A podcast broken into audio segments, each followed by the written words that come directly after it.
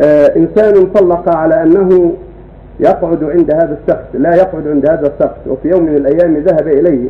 فما حكم ذلك اليمين؟ إذا طلق الإنسان لا يقعد عند فلان أو لا يكلم فلان فله حالان. إحداهما أن يقصد منع نفسه ولا يقصد إيقاع الطلاق. إنما قصد منع نفسه من الشيء وشدد على نفسه بالطلاق ولم يريد إيقاع الطلاق على أهله وإنما أراد منع نفسه من القعود عنده أو الكلام. هذا حكم حكم اليمين على الصحيح. وعليه كفارة اليمين ولا تقع ولا يقع الطلاق. أما إذا أراد وقوع الطلاق وأن نوى أنه إذا قعد عنده فزوجته طالق. أو كلمه فزوجته طالق. فإنه متى كلمه وقعد عنده؟ يقع طلق على زوجته لأنه طلاق معلق على الشرط مثل لو قال إذا دخل رمضان فزوجته طالق. تطلق. أو قال إذا نزل مطر فزوجته طالق. أو قال إذا حاضت فهي طالق. وما أشبه ذلك.